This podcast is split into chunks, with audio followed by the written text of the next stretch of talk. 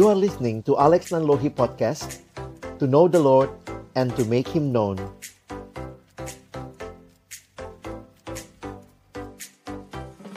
Baik, selamat sore teman-teman sekalian. Mari sebelum kita membaca, merenungkan firman Tuhan, saya mengajak kita berdoa. Mari kita berdoa.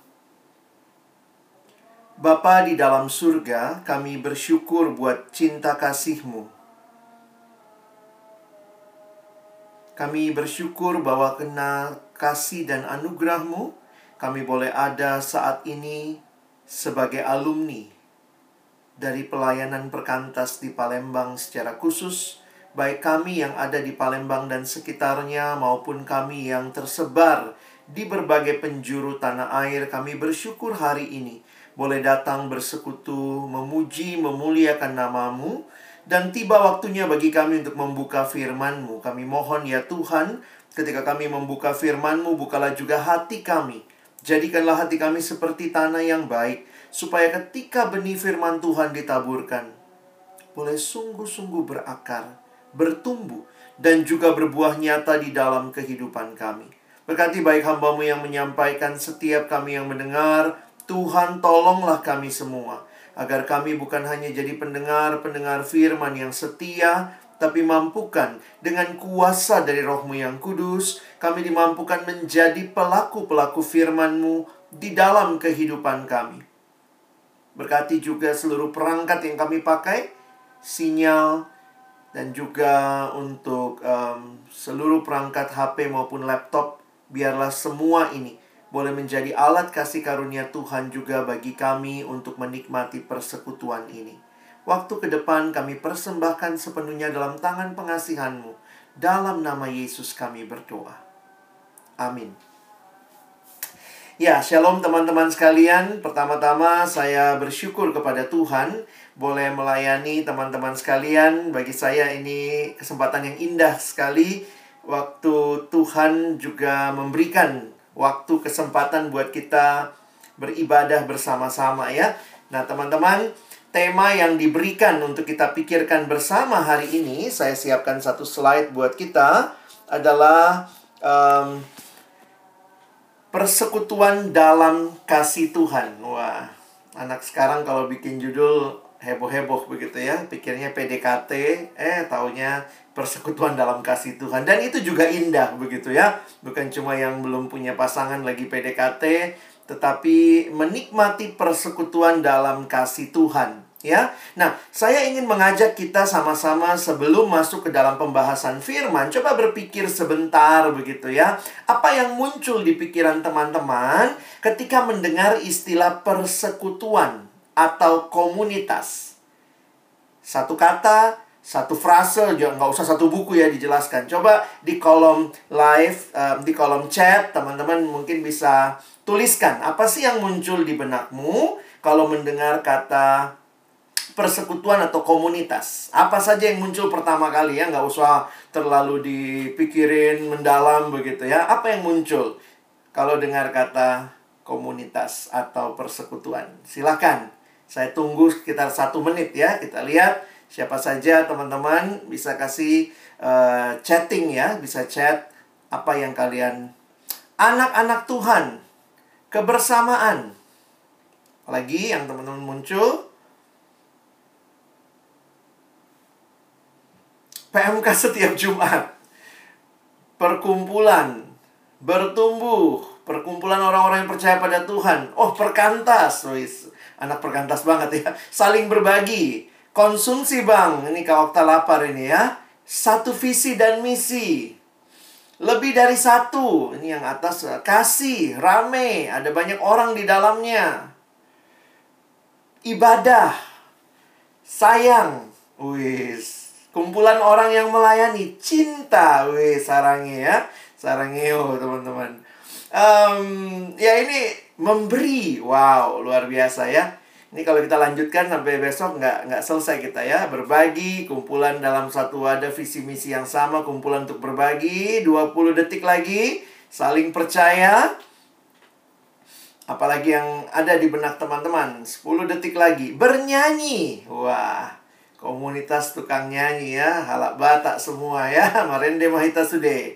Bersama komitmen sukacita. Oke, okay, thank you. Family firman Tuhan. Baik, teman-teman. Tidak ada individu atau ego. Baik, ini semua yang muncul dalam pemikiran teman-teman ketika bicara tentang persekutuan atau komunitas. Sebenarnya kalau sudah jelas ya kita tutup doa saja ya. Karena semua teman-teman sudah sampaikan dan itu hal-hal yang bagi saya ya demikianlah persekutuan itu. Nah, tapi kita mau lihat sama-sama apa yang firman Tuhan sampaikan, apa yang firman Tuhan nyatakan tentang hal ini. Ada uh, ini ya, ada satu kutipan dari orang Afrika. Mereka punya satu proverbs atau satu amsal begitu ya atau peribahasa yang mengatakan if you want to go fast, go alone. If you want to go far, go together. Nah, ini mama-mama Afrika yang kelihatan ya. Nah, teman-teman, setiap budaya pun saya pikir punya penghayatan apa itu komunitas. Apalagi di dalam budaya sebelum modernisme yang sangat individualis ini, saya pikir kebersamaan, kekeluargaan, persekutuan komunitas menjadi satu hal yang sangat-sangat penting. Khususnya kalau kita lihat, saya pikir nanti orang-orang Palembang pasti punya juga peribahasanya tentang persatuan. Orang Batak punya peribahasanya tentang persatuan. Bahkan juga uh, orang Jawa misalnya ya, mangan orang mangan, yang penting ngumpul ya. Yang penting katanya ngumpul dan seterusnya. Nah, teman-teman, seorang teolog bernama Eugene Peterson dalam satu tulisannya pernah mengatakan kalimat ini. Kita adalah sebuah komunitas. Kita tidak pernah hidup sendiri, dan bagi diri sendiri. Kita dilahirkan dalam komunitas, kita tinggal dalam komunitas, kita meninggal dalam komunitas. Natur manusia bukanlah hidup menyendiri. Saya pikir ini jelas sekali ketika kita memperhatikan apa yang Alkitab sampaikan dan nyatakan bagi kita. Bagian firman Tuhan yang hari ini mendasari perenungan kita dari Ibrani 10 Ibrani 10 ayat 19 sampai ayat yang ke-25. Saya minta satu orang untuk membacakannya bagi kita. Ibrani 10 ayat 19 sampai 25 yang sudah ditentukan mungkin silakan tolong dibaca.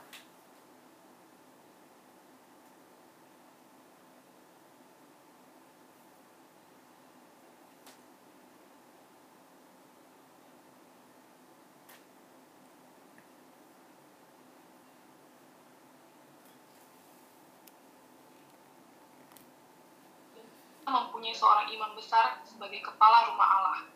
Karena itu, marilah kita menghadap Allah dengan hati yang tulus ikhlas dan keyakinan iman yang teguh. Oleh karena hati kita telah dibersihkan dari hati nurani yang jahat dan tubuh kita telah dibasuh dengan air yang murni. Marilah kita teguh berpegang pada pengakuan tentang pengharapan kita, sebab ia yang menjanjikannya setia. Dan marilah kita saling memperhatikan supaya kita saling mendorong dalam kasih dan dalam pekerjaan baik. Janganlah kita menjauhkan diri dari pertemuan-pertemuan ibadah kita, seperti dibiasakan oleh beberapa orang. Tetapi, marilah kita saling menasihati dan semakin giat melakukannya menjelang hari Tuhan yang mendekat. Ya, terima kasih banyak. Terima kasih untuk teman yang membacakan bagi kita. Nah, teman-teman, saya ingin mengajak kita belajar kembali. Kebiasaan kita diperkantaskan adalah kembali belajar firman Tuhan. Kita coba ekspos bagian ini. Secara sederhana, saya ingin mengajak teman-teman alumni, semoga belum bosan berPA, belum bosan membaca Alkitab, menggalinya. Dan ini saya pikir harusnya jadi lifestyle kita. Di dalam kitab Ibrani dijelaskan dengan sangat lugas tentang Yesus Kristus sebagai gambaran yang diambil itu gambaran perjanjian lama. Bahwa Yesus digambarkan sebagai imam besar agung. Imam itu dalam kebiasaan orang Yahudi akan datang masuk mempersembahkan kurban penebus dosa. Nah, menarik sekali gambaran yang dituliskan dalam kitab Ibrani bahwa Yesus adalah imam besarnya dan yang dia bawa adalah dirinya sendiri sebagai kurban penebus dosa yang sempurna. Nah, gambaran ini yang mau menyatakan bahwa Yesuslah juru selamat. Yesuslah yang telah datang ke dalam dunia. Sehingga apa yang dilihat dengan gambaran di perjanjian lama tentang imam digenapkan dalam Yesus. Tentang kurban itu pun digenapkan di dalam Yesus. Nah, karena itulah kalau kita melihat teman-teman, apa yang dituliskan ketika LAI memberikan judul ketekunan untuk perikop ini, ketika melihat kepada apa yang telah Yesus lakukan. Nah, ada tiga hal yang penting kita perhatikan akan karya Kristus. Yang pertama, itu yang kita lihat di ayat 19 tadi. Bahwa darah Kristus membawa kita masuk ke tempat kudus. Jadi kalau kita perhatikan kalimatnya, jadi saudara-saudara oleh darah Yesus kita sekarang penuh keberanian dapat masuk ke dalam tempat kudus. Teman-teman bisa memperhatikan dijelaskan Kenapa? Karena darah Kristus. Ingat sekali lagi ini kan gambaran kurban perjanjian lama. Masih ingat ketika semua kurban di perjanjian lama harus disembeli, darahnya dicurahkan. Makanya perhatikan gambarannya darah Kristus membawa kita masuk ke tempat kudus. Dengan penuh keberanian. Karena darah Kristus kita yang percaya kepadanya disucikan, didamaikan dengan Allah dan dilayakkan masuk ke hadirat Allah tanpa halangan lokasi dan waktu. Kita tidak lagi harus datang ke Yerusalem untuk mempersembahkan kurban di bait Allah. Karena Yesus yang adalah imam besar yang agung itu telah melakukannya bagi kita. Maka kita sekarang yang percaya pada Yesus, darahnya menyucikan kita, kita bisa datang kepadanya dari segala tempat, dari segala waktu. Nah, ini yang pertama, apa yang Yesus lakukan menurut apa yang dituliskan di dalam uh, Ibrani 10 ini. Nah, yang kedua dia lanjutkan lagi. Kristus membuka jalan yang baru dan hidup melalui tabir yaitu dirinya sendiri. Teman-teman, apa itu tabir? Kalau kita lihat tabir itu adalah tirai yang menghalangi antara ruang kudus dengan ruang maha kudus. Ingat sekali lagi, ini gambarannya adalah imam besar imam yang agung membawa kurban. Setahun sekali, imam besar akan masuk ke ruang maha kudus. Jadi di dalam bait Allah ada tempat yang namanya ruang kudus. Itu imam boleh masuk. Semua imam bisa bertugas di situ menyalakan ukupan, menyalakan uh, semua, membawa kurban. Imam bisa lakukan itu. Tetapi imam besar setahun sekali akan masuk ke dalam ruang maha kudus Nah, antara ruang kudus dengan ruang maha kudus ada tirai, ada tabir. Nah, menarik sekali bagaimana penulis kitab Ibrani menggambarkan bahwa Yesus Kristus telah membuka jalan yang baru dan hidup melalui apa? Melalui tabir, yaitu dirinya sendiri. Jadi, kata dirinya sendiri adalah tubuhnya, dagingnya sendiri. Nah, jelas hal ini menunjukkan kematian Kristus di kayu salib. Jadi tubuhnya yang dikurbankan di kayu salib adalah tabir yang melaluinya manusia boleh masuk ke hadapan Allah. Karena itu, secara sederhana kita bisa melihat bahwa Yesus Kristus adalah jalan satu-satunya kepada Allah. Sebelum ada Kristus, tidak ada satupun kurban persembahan yang diterima Allah. Menarik, argumentasi yang diberikan di dalam kitab Ibrani ya. Nanti baca bagian sebelumnya pasal 8, 7, 8, 9 gitu ya. Kan yang kita lagi bahas pasal 10. Penulis kitab Ibrani bilang begini, semua kurban tidak diterima Allah.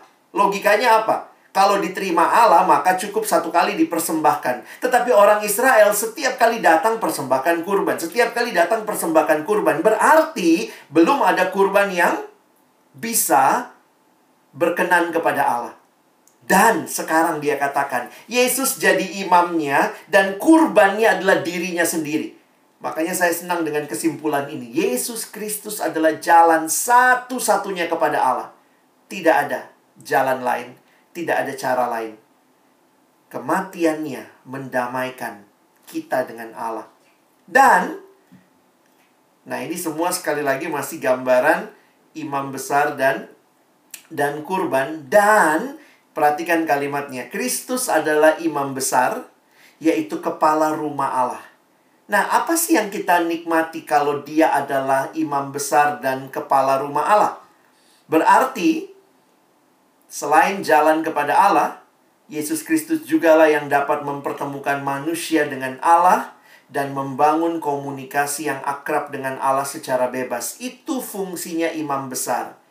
Makanya kita menghayati, kadang-kadang kita suka bilang ya, yang dituliskan dalam kitab Ibrani juga, Yesus itu berdoa, bersyafaat kepada Bapa bagi kita. Imam itu menjadi perantara antara Allah dengan manusia.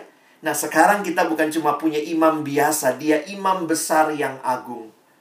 Jadi gambaran dari ayat 19 sampai ayat yang ke-21, apa sih intinya? Nanti baca lagi ya 19 sampai 21 tadi intinya adalah Yesuslah keselamatan kita. Dialah juru selamat kita. Dialah satu-satunya yang menjadi perantara kita kepada Bapa. Kenapa penulis kitab Ibrani harus menjelaskan supremasi Yesus? Dia di atas semuanya. Karena kalau kita lihat konteksnya pada waktu itu, ada jemaat-jemaat yang mengalami kemunduran iman. Jadi teman-teman lihat ya, ketika ada yang mengalami kemunduran iman, ada yang juga bahkan mau tinggalkan kekristenan, mau mungkin kembali ke agamanya yang lama, maka penulis kitab Ibrani menuliskan kitab ini dan mengingatkan. Bagi saya menarik, sebelum dia mengingatkan hal praktis, dia ingatkan dulu siapa Yesus bagimu. Saya pikir ini juga cara yang baik untuk saya mengingatkan teman-teman alumni sekarang ya. Siapa Yesus bagimu? Masihkah dia jadi satu-satunya Tuhan dan Juru Selamat? Bukan cuma di pengertian, di otak, di knowledge kita, tapi benar-benar seluruh hidup kita mengarahkan diri kita kepada Allah. Ingat lagi kasihnya, ingat lagi pengorbanannya, ingat lagi karyanya yang luar biasa bagi kita di kayu salib. Luar biasa. Dialah juru selamat kita. Lalu sesudah inilah maka kita masuk kepada respon. Nah, kalau Yesus satu-satunya Tuhan dan Juru Selamat, apa responnya? Nah, perhatikan sebenarnya di dalam antara ayat uh, tadi 21 begitu ya. Yesus Kristus itu dasar. Dan di atas dasar inilah, teman-teman lihat. Ada hal yang dibangun. Lihat istilah yang digunakan adalah kata karena itu. Nah, bisa lihat ya. Jadi kalau kita lihat tadi ayat yang ke-19 menjelaskan Yesus sampai ayat yang ke-21, maka ayat 22 bicara karena itu, karena kamu sudah dibangun di dalam Yesus Kristus sebagai dasarnya, teman-teman lihat ini aplikasi yang harusnya teman-teman dan saya lakoni. Tapi dasarnya jelas ada tiga kali, sebenarnya ada empat kali kata marilah kita. Tetapi saya melihat kata yang marilah kita ketiga dan keempat itu berkaitan dengan hal yang sama. Perhatikan ada tiga kata atau tiga kali frasa marilah kita. Marilah kita, marilah kita. Karena Yesus sudah jadi dasarnya, marilah kita. Yang pertama kita akan lihat sama-sama. Apa yang menjadi seruan aplikasi buat kita. Kalau Yesus dasarnya, karena itu marilah kita menghadap Allah dengan hati yang tulus ikhlas. Dan keyakinan iman yang teguh karena hati kita telah dibersihkan dari hati nurani yang jahat dan tubuh kita telah dibasuh dengan air yang murni. Kalau dia sudah membuka jalan itu, dia sudah jadi kurban yang diterima Allah, satu-satunya jalan keselamatan. Maka teman-teman dan saya milikilah keyakinan iman yang teguh. Tidak ada juru selamat lain. Tidak ada cara lain datang kepada Allah. Mungkin kita mulai alumni, mulai percaya-percaya. Oh, kalau mau kaya ini nih, pakai jimat ini. Cobalah dikit-dikit. Kalau bikin rumah lihat. Hati-hati. Harus ada feng shui-nya, ada apanya. Itu mah bukan masalah feng shui ya. Saya pikir secara ilmu arsitektur yang baik pun ada aturan-aturan rumah yang misalnya sirkulasi udara dan seterusnya. Tetapi saya juga sedih, banyak alumni-alumni pelayanan yang dulunya begitu cinta Tuhan ketika sudah mulai masuk dalam dunia alumni, mulai bergeser cintanya sama uang. Ada yang cintanya sama pasangan hidup sehingga maaf, pergi meninggalkan Kristus, menikah dengan yang tidak seiman, atau menikah dengan yang seiman tapi tidak bertumbuh. Ada juga yang seperti itu. Yang penting saya menikah bang, nggak apa-apa suamiku istriku nggak bertumbuh. Sedih sekali. Kalau Tuhan Yesus adalah satu-satunya Tuhan dan Juru Selamat, maka teruslah pegang imanmu dalam Kristus. Iman yang teguh, perhatikan kalimatnya dan keyakinan iman yang teguh. Kenapa? Karena hatimu telah dibersihkan dari hati nurani yang jahat. Makanya jangan sekarang punya keinginan-keinginan, aduh kayaknya mau uang lebih banyak, makanya cara-cara yang yang tidak benar pun yang tidak halal dilakukan. Dan bukan hanya hati nurani. Hati nurani itu di dalam. Ini dia bicara tubuh. Tubuh itu bicara bagi saya satu hal ya, ini fisik kita ya Sebenarnya anak sekolah minggu udah tahu ya dari sekolah minggu hati-hati gunakan tubuhmu, matamu, tanganmu, kakimu. Hati-hati. Sebagai alumni saya pikir itu bukan cuma lagu sekolah minggu. Mungkin ini jadi lebih real buat kita. Hati-hati gunakan tubuh kita. Iman yang teguh. Iman yang terus berlandaskan pada Kristus. Mari miliki iman yang teguh. Ini yang pertama. Yang kedua, karena Yesus adalah dasar kita, marilah kita teguh berpegang pada pengakuan tentang pengharapan kita. Sebab ia yang menjanjikannya setia. Istilah dalam bahasa Inggris yang dipakai adalah hold fast. Teguh berpegang. Kepada apa? Kepada pengharapan kita. Nah teman-teman perhatikan nggak? Yang pertama tadi, karena Yesus adalah juru selamat kita, landasan hidup kita, maka yang pertama tadi saya melihat ada tiga hal yang menarik di sini ya. Pertama, iman. Iman kepada Allah. Keyakinan iman, itu ditulis tadi. Lalu yang kedua, pengharapan akan janji Allah. Kira-kira yang ketiga apa? Udah ketebak lah ya. Kalau iman, pengharapan, maka yang ketiganya kasih. Nah, menarik nih teman-teman ya. Ketika Kristus jadi dasar hidup kita, maka kita akan bertumbuh. Ini ciri hidup umat Allah. Bertumbuh makin yakin akan iman kita. Dalam pergumulan kita tidak stop lihat hanya di situ kita punya pengharapan. Tapi bukan hanya itu. Kita pun punya kasih kepada sesama. Lihat ya, ini dimensi hidup beriman yang dilandasi oleh Kristus. Iman kepada Allah, pengharapan akan janji Allah yang pasti. Kalau Yesus bilang dia bakal datang kedua kali, pasti dia bakal datang. Dan kasih kepada sesama. Nah, maka bagian yang ketiga, marilah kita Ah, ini nih, teman-teman, marilah kita teguh, marilah kita saling memperhatikan supaya saling mendorong dalam kasih dan pekerjaan baik. Lalu muncul ayat ini. Nah, ini tema kita hari ini ya. Janganlah kita menjauhkan diri dari pertemuan-pertemuan ibadah kita seperti dibiasakan oleh beberapa orang, tapi marilah kita saling menasehati dan semakin giat melakukannya menjelang hari Tuhan yang mendekat. Teman-teman bisa pahami bahwa ketika Kristus menjadi dasar hidup kita, maka iman kita bertumbuh, pengharapan makin teguh dan kasih itu makin melimpah. Nah, harusnya persekutuan kita pun makin menikmati kesatuan ini. Kita makin mengalami indahnya persekutuan. Jadi tema hari ini, ini bukan cuma seruan, ayo pengurus alumni bikin acara, ayo nih perdana semua kumpul, undang Bang Alex, semua alumni disebar ikut. Tapi ini adalah respon kita karena kita ada di dalam Kristus. Karena kamu dalam Kristus, ingat tadi, marilah kita punya keyakinan iman. Marilah kita punya pengharapan. Marilah kita di dalam kasih. Teman-teman saya mau sedikit mengangkat dua ayat ini ya. Coba lihat ayat 24. Di sini abang coba garis bawahi beberapa hal. Marilah kita saling memperhatikan supaya kita saling mendorong dalam kasih dan dalam pekerjaan baik. Janganlah kita menjauhkan diri dari pertemuan ibadah kita, tetapi marilah kita saling menasehati. Saya mau fokus kepada ayat 24 saja ya. Jadi teman-teman lihat ayat 24-nya ada dua kata awal yang saya ingin bahas, yang saya garis bawahi. Yang pertama adalah kata memperhatikan. Jadi waktu saya gali gitu ya, apa sih memperhatikan? Coba lihat bahasa aslinya bahasa asli Alkitab Perjanjian Baru adalah bahasa Yunani. Nah, ini kata memperhatikan.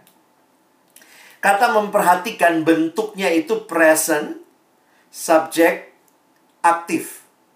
Berarti itu adalah terus-menerus memperhatikan.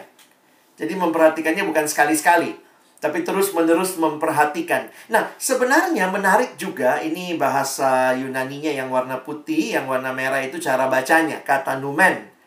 Kalau O2 jadi U gitu ya. Kata numen ini bahasa aslinya sebenarnya gini, we should think. To consider thoughtfully. Makanya NIV sama ESV, terjemahan Alkitab bahasa Inggris, itu menggunakan istilah consider. Nah, jadi memang apa ya? Kalau memperhatikan kalau buat kita orang Indonesia, memperhatikan cuma begini. Iya, iya ya udah, saya liatin. Saya liatin. Itu kayak cuman aktivitas mata ya. Saya melihat. Tetapi di dalam bahasa aslinya, pemahamannya bukan cuma merhatiin kau di sana, ku di sini, aku lihat kamu, tetapi yang dimaksudkan adalah we should think memperhatikan yang melibatkan saya mau mikirin. Wah, ini menarik nih.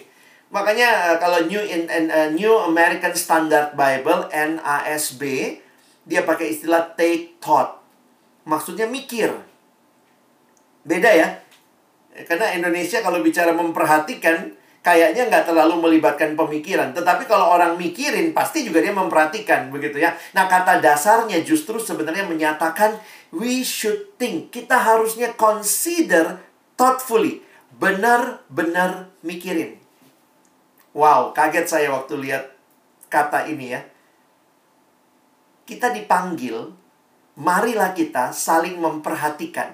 Mari kita mikirin jadi apa ya kepo itu bagi orang Kristen itu rohani gitu ya. Maksudnya kepo dalam arti saya mikirin orang lain gitu ya. Bukan berarti kita kepo maksudnya mau tahu semua urusan orang. Tapi benar-benar kita berpikir bagaimana kita bisa tahu pergumulan atau mungkin apa yang jadi permasalahan orang lain. Ataupun mungkin dia bukan nggak selamanya kita merhatiin karena orang punya punya pergumulan. Tapi bisa jadi kita share sukacitanya dia dia sukacita ya kita juga ikut sukacita gitu ya. Dia sedang bergembira naik jabatan kita pun juga bukannya iri gitu. Ih, naik lagi dia. Tapi kita benar-benar bersyukur bersama-sama. Jadi ini kata pertama yang saya mau kita pikirin ya. Kata memperhatikan yang lebih dalam artinya mikirin.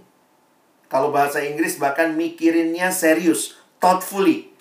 Nah, kata kedua kan tadi ya ayat 24, marilah kita saling memperhatikan dan mendorong. Nah, ini mendorong ini menarik ya. Paros paroxysmon. Ini sebenarnya e, dipakai istilah paroxysmon ini bahasa aslinya itu punya pengertian irritating, inciting, stimulation. Makanya di dalam terjemahannya itu adalah kita harus memprovokasi, to provoke. Itu King James pakai istilah itu. Nah, NISB pakai istilah to stimulate. Ayo stimulasi, kasih stimulasi. Dorongan itu yang membuat orang itu bergerak kira-kira begitu ya. Tapi saya senang dengan apa yang dipilih oleh ESV. Karena ini juga pengertiannya. Mendorong itu to stir up.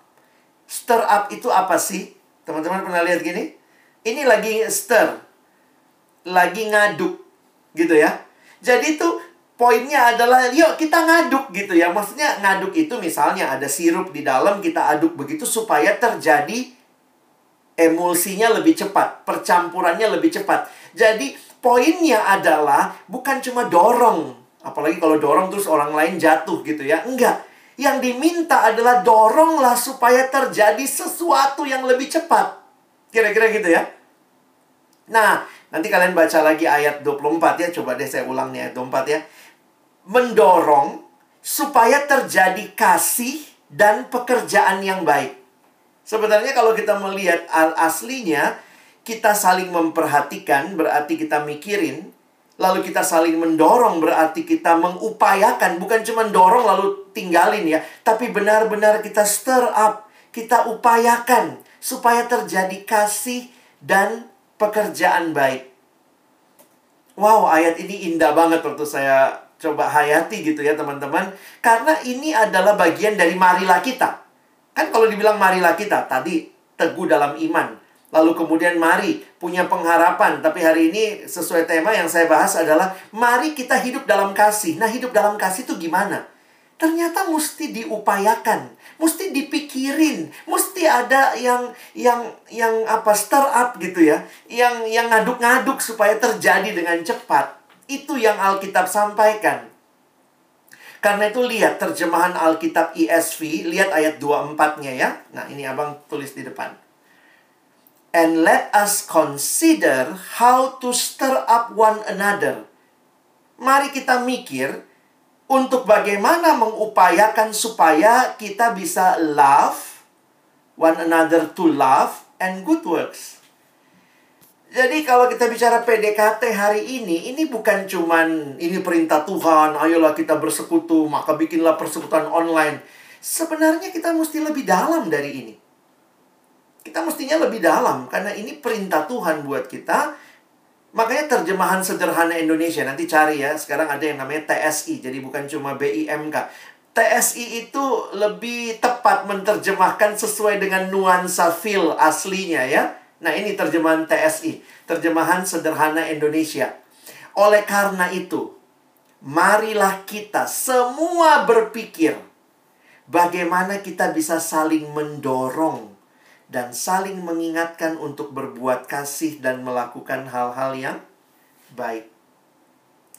Teman-teman, persekutuan alumni kita, biarlah ini yang kita alami. Ketika Yesus jadi dasarnya, maka marilah kita mikir dan yang mikir bukan cuma pengurus, ya. Menarik nih, semua berpikir bagaimana kita bisa saling saling mengaduk-ngaduk supaya lebih cepat terjadi kasih dan perbuatan baik itu.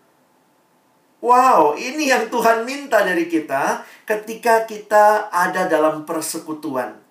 Harusnya sih gereja begini ya. Memang sering kali kalau gereja udah terlalu besar susah. Yang mikirin akhirnya majelisnya yang lain jadi penonton. Apalagi yang tukang kritik ya. Ini tadi jelek kali musiknya. Yang tadi ini pendetanya uh, apa dasinya miring lah.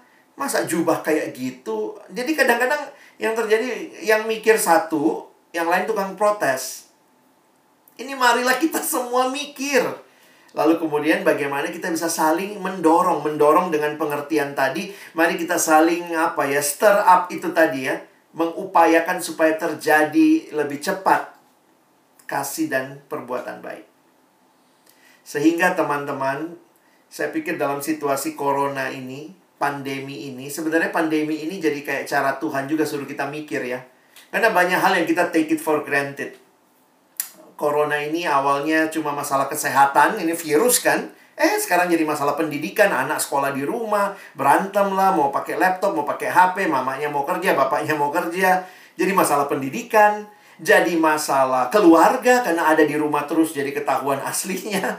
Jadi makin kesel nengok dia lagi, dia lagi gitu. Ada juga jadi masalah sosial, banyak yang terdampak kehilangan uh, pencaharian, kehilangan pekerjaan banyak yang juga ngalamin pergumulan bahkan sosial, politik bahkan ya. Minta reshuffle kabinet lah, minta ganti presiden lah. Jadi udah ke mana-mana ini corona ini ya. Bukan cuma masalah kesehatan belaka. Tapi di sisi lain corona juga punya apa ya banyak hal yang terjadi kan yang nggak bisa masak bisa masak sekarang yang nggak tahu zoom jadi tahu zoom sekarang gitu ya yang belum pernah bikin persekutuan jadi pikir lagi gimana persekutuan pakai zoom jadi sebenarnya di tengah situasi seperti ini kita semua diajak mikir, ya. kita yang mungkin sudah terbiasa dengan persekutuan alumni yang offline gitu ya. Kita kan jadi bingung nih, offline atau online nih ya. Kalau offline kayak apa, online kayak apa. Nah, ini semua kan jadi pemikiran. Tapi sebenarnya bagi saya kita jadi alkitabiah. Marilah kita semua berpikir bagaimana bisa melakukan pelayanan atau bahkan persekutuan. Dan hari ini Tuhan izinkan kita boleh bersekutu. Tapi mari kita terus pikirin lagi gimana. Tentu jujur aja saya harus katakan ya pelayanan online itu tidak bisa disamakan dengan offline. Makanya jangan juga kadang-kadang begini ya, ada orang ngeluh aja, aduh kenapa sih kita kita online terus, nggak bisa offline. Padahal memang juga di beberapa daerah, saya pikir Palembang juga mungkin masih merah kali ya.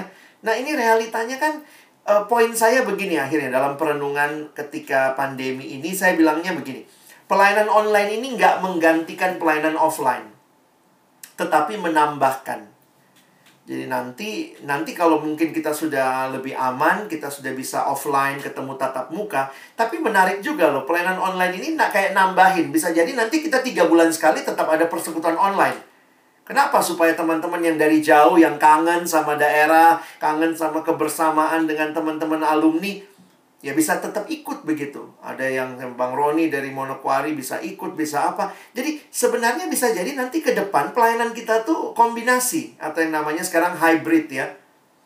Jadi offline ada, online ada. Kalau begitu yang online sekarang sebenarnya kan tidak menggantikan yang offline tetapi menambahkan kepada apa yang offline. Jadi jangan nah, banyak orang sekarang tukang kritik doang, aduh nggak enak online nggak bisa ketemu langsung, enaknya ketemu langsung nggak bisa kita peluk dia nggak bisa. Jadi gini loh, ketimbang kita bicarain yang nggak bisanya online, kenapa kita nggak bicara apa yang online bisa? Ayo kita maksimalkan kekuatan pelayanan online karena memang kita belum bisa offline, kira-kira begitu ya. Saya pikir perkantas memang kita sudah keluarkan surat secara nasional. Kampus ini lagi libur kalau di Jawa dan sekitarnya yang merah dan mungkin juga di, di daerah ya. Semua kampus libur sampai akhir, bukan libur, belajar dari rumah. Belajar online, PJJ, pembelajaran jarak jauh, sampai akhir tahun. Jadi sebenarnya ya perkantas nggak punya alasan juga kita untuk buka gitu ya. Kampusnya aja tutup begitu. Dalam arti tidak boleh bersekutu. Sehingga kita mesti berpikir serius pembinaan online. Jadi jangan cuma mikir, ah paling dua bulan lagi kita udah ketemu lagi, kumpul-kumpul, bergandengan tangan dalam kasih. Kita mesti berpikir, mungkin kita harus maksimalkan. Ada yang online tidak bisa lakukan, ada. Online terbatas. Tapi ada yang online bisa lakukan, oh banyak, bisa juga, maksimalkan itu. Nah di sinilah kita butuh kreatif teman-teman. Dan kreatif itu ternyata berhubungan dengan proses berpikir ketika ambil saya saya pernah diskusi sama Kak Esther Widi ya, istri Bang Pelita waktu dia belajar psikologi, saya bilang, "Ter, apa sih artinya kreatif?" Dia bilang, "Kreatif itu mikir, Kak." Hah? Iya ya. Jadi poinnya begini. Kreatif itu bukan, wah anak ini kreatif, dia dari dulu tuh kalau pimpin banyak gamesnya, lucu. Kreatif bukan cuma hal seperti itu. Tapi kreatif itu berhubungan dengan proses berpikir. Jadi siapa yang bisa kreatif? Siapa pun yang mau mau mikir. Dan ternyata itu Alkitabiah ya tadi. Ayo consider thoughtfully, ayo pikirin gimana caranya kita beribadah, bagaimana caranya kita online dengan menarik dan seterusnya. Ini definisi buku ya. Kalau kalian kuliah di psikologi itu ada satu semester katanya dulu Kak Esther itu belajar kreativitas. Kemampuan untuk membuat kombinasi baru berdasarkan data, informasi atau unsur yang ada membuat atau mencipta sesuatu bukan berarti cipta dari nol ya. Tapi bisa jadi itu kombinasi, jadi gabungan dari hal-hal yang sudah ada sebelumnya. Kami secara perkantas nasional sudah mulai mesti mikir nih. Kami sudah bikin tim perkantas go digital, bilang gitu ya. Mungkin bahan-bahan PA kita sudah harus kita ubah. Kami lagi mau coba susun bahan PA digital. Bagaimana kita mesti pelajari ah, mau kombinasi sama video kah mau kombinasi sama buku apa tapi akhirnya nggak nggak cuma satu buku. Kalau dulu kan kita belajar satu buku MHB MHB aja. Nah ini lagi mau coba buat MHB digital. Mudah-mudahan tahun depan udah keluar ya. Berarti bagaimana kita mengkombinasi? Anak sekarang itu belajarnya Google belajarnya YouTube. Nah bagaimana kita mengkombinasikan semua ini? Jadi akhirnya kita pun di persekutuan harus mikir. Dan bagi saya ternyata itu bentuk kita mengasihi. Ayo kita pikir sama-sama. Karena ini bukan cuma keinginan kita, Allah yang ingin kita mengasihi teman-teman. Jangan malas berkumpul bersama dalam persekutuan seperti kebiasaan beberapa orang, tapi sebaliknya marilah kita saling mendorong. Tentu berkumpulnya sulit sekarang secara offline, tapi online bisa. Karena itu saya dorong teman-teman, KTB, KTB usahakan tetap jalan meskipun online. Kalau sulit bahas bahan minimal seminggu sekali atau sebulan sekali ketemu, berdoa bersama, saling tahu pergumulan. Karena kita harus bertumbuh dalam kasih. Tadi itu ya, tiga hal. Iman, pengharapan, dan kita lagi bicara kasih nih. Nah kasih ini kekuatannya ada di persekutuan. Kita nggak bisa sendiri. Karena Allah yang menciptakan kita, Allah yang menciptakan manusia untuk saling mengasihi. Kejadian 2 ayat 18 tidak baik kalau manusia itu seorang diri saja. Itu kalimat Alkitab. Makanya kalau kita perhatikan, saya kutip kalimat John Stott, dia mengatakan bahwa sebagaimana ikan dibuat untuk air, umat manusia dibuat untuk kasih, untuk mengasihi Allah dan mengasihi sesama. Bagaimana bentuknya? Kasih kepada Allah itu. 1 Yohanes 4 mengatakan kasih kepada Allah itu nyata ketika orang Kristen saling mengasihi. God's love is seen in how Christians love one another. Jadi sebenarnya gini teman-teman ya, salah satu kata yang paling banyak di Alkitab, perjanjian baru, itu kata saling. Tadi kita udah ketemu ya di Ibrani tadi. Mari hendaklah kita saling mendorong, saling, saling, saling. Jadi ternyata kasih Allah itu nyatanya waktu kita saling. Nah, coba di tengah-tengah pandemi ini berjuang supaya persekutuan kita bisa tetap saling. Karena di Alkitab tuh banyak one another, one another nih, one another banyak ya. Ini one anothering, be devoted, hendaklah menerima satu sama lain, care satu sama lain, menanggung beban satu sama lain, saling mengampuni, saling mengaku dosa, saling mendoakan. Nah, teman-teman saya harus katakan dengan jujur ya. Pertemuan offline ini pun agak sulit kita lakukan. Beberapa orang, iya kak, kemarin dia cerita pergumulannya. Ceritanya di mana? Oh, dia WA. Oh, jadi sebenarnya selama ini juga online pun sebenarnya bisa kan kita share satu sama lain, saling menguatkan. Karena waktu kita ketemu misalnya offline, persekutuan dua jam. Paling e, ramah tamahnya setengah jam begitu. Mungkin kalau kita mau cerita pergumulan yang mendalam justru di luar waktu persekutuan. Nah, di masa sibuk-sibuknya orang waktu offline, banyak juga tuh yang akhirnya mungkin ya kalau dia bisa sempat Sabtu ketemu kita ngobrol ya di cafe ini aku pengen cerita pergumulanku atau yuk kita KTB tapi banyak juga yang saya lihat sharing hidupnya melalui online kok. WA eh aku telepon ya aku pengen cerita lalu dia telepon. Jadi sebenarnya jangan merasa di saat kita lagi pandemi begini jadi mati gaya. Toh selama ini juga kita kan melakukannya bisa jadi ada bisa nggak saling mengaku dosa lewat online? Lewat telepon? Bisa. Bisa nggak saling mendoakan? Bisa. Nggak usah temu, ketemu juga ya. Gimana kamu mau doain Bang Roni? Jauh begitu.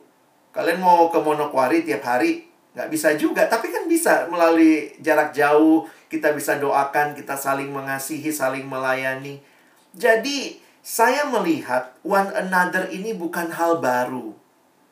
Jangan merasa kayak baru sekarang mesti mesti kita mikir gimana persekutuan. Sebenarnya ini seharusnya kita terus berpikir bagaimana kita saling mengasihi. Kurang banyak one another-nya. Nih abang tambah lagi. Nanti screenshot aja ya. Lihat sebenarnya di Alkitab tuh banyak banget one anothering. Dan ini bisa terjadi offline. Tentu ada banyak hal yang bisa terjadi offline saling memeluk ya nggak bisa lah kau peluk handphonemu begitu ya. Tetapi ketika lagi tidak bisa ketemu, tetap ada hal yang bisa kita lakukan. Jangan saling mendustai itu kan ada Kolose 3 ayat 9 do not lie. Oh, jadi jangan kemudian posting-posting foto yang apa gitu ya, jualan atau apa lalu saling membohongi gitu ya. Tapi poinnya adalah bagaimana kita benar-benar bisa jadi satu komunitas ya.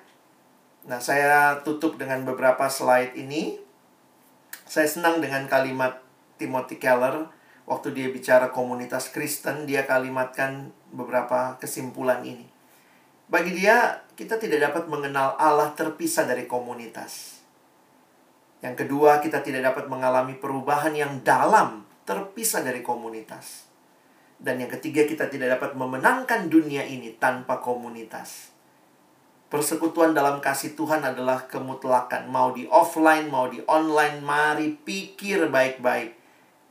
Consider thoughtfully bagaimana kita bisa saling membangun, saling mendorong di dalam kasih dan pekerjaan baik. Dan teman-teman, ini yang penting untuk kita pikirkan bersama ke depan biarlah ini bukan jadi Zoom pertama dan terakhir teman-teman dari Palembang. Tapi ini jadi sesuatu yang bisa kalian pikirin bagaimana lebih maksimal, bagaimana lebih baik nanti. Bulan depan ada lagi apa enggak? Nanti kalau ada akan bagaimana? Dan semua berpikir ya. Mungkin nanti ada yang kasih evaluasi, kasih masukan. Ya kita sama-sama mikir. Dan saya tetap mendorong ketika persekutuan besar kita upayakan online, jangan lupa sebenarnya kekuatan kita juga ada di KTB KTB. Saya sangat mendorong teman-teman milikilah KTB. KTB-KTB yang mungkin kalian miliki dari kuliah, dari kampus dulu, bisa kita galakkan lagi. Kita bisa saling teleponan lagi, kita bisa online Zoom bareng, kita bisa doa sama-sama. Mungkin kita nggak bisa langsung bahas bahan, tapi kalau kalian juga sudah punya buku yang kita bahas bersama, kita bisa sepakati bersama-sama ya. Jadi persekutuan besar, kita perjuangkan, Demikian juga KTB-KTB bisa berjalan dengan baik. Slide ini adalah slide terakhir saya. Christian community is not and never about us. Christian community is not about us at all. It's about the transforming presence of Christ, and He will do in and through and for each of us. Lama saya pikir kalimat ini. Pertama karena Inggrisnya kok diulang-ulang. Apa sih maksud kalimat ini ya? Tapi waktu saya coba renungkan, menariknya begini. Komunitas Kristen itu bukan tentang saya, tentang kita. Kita yang ada di dalamnya.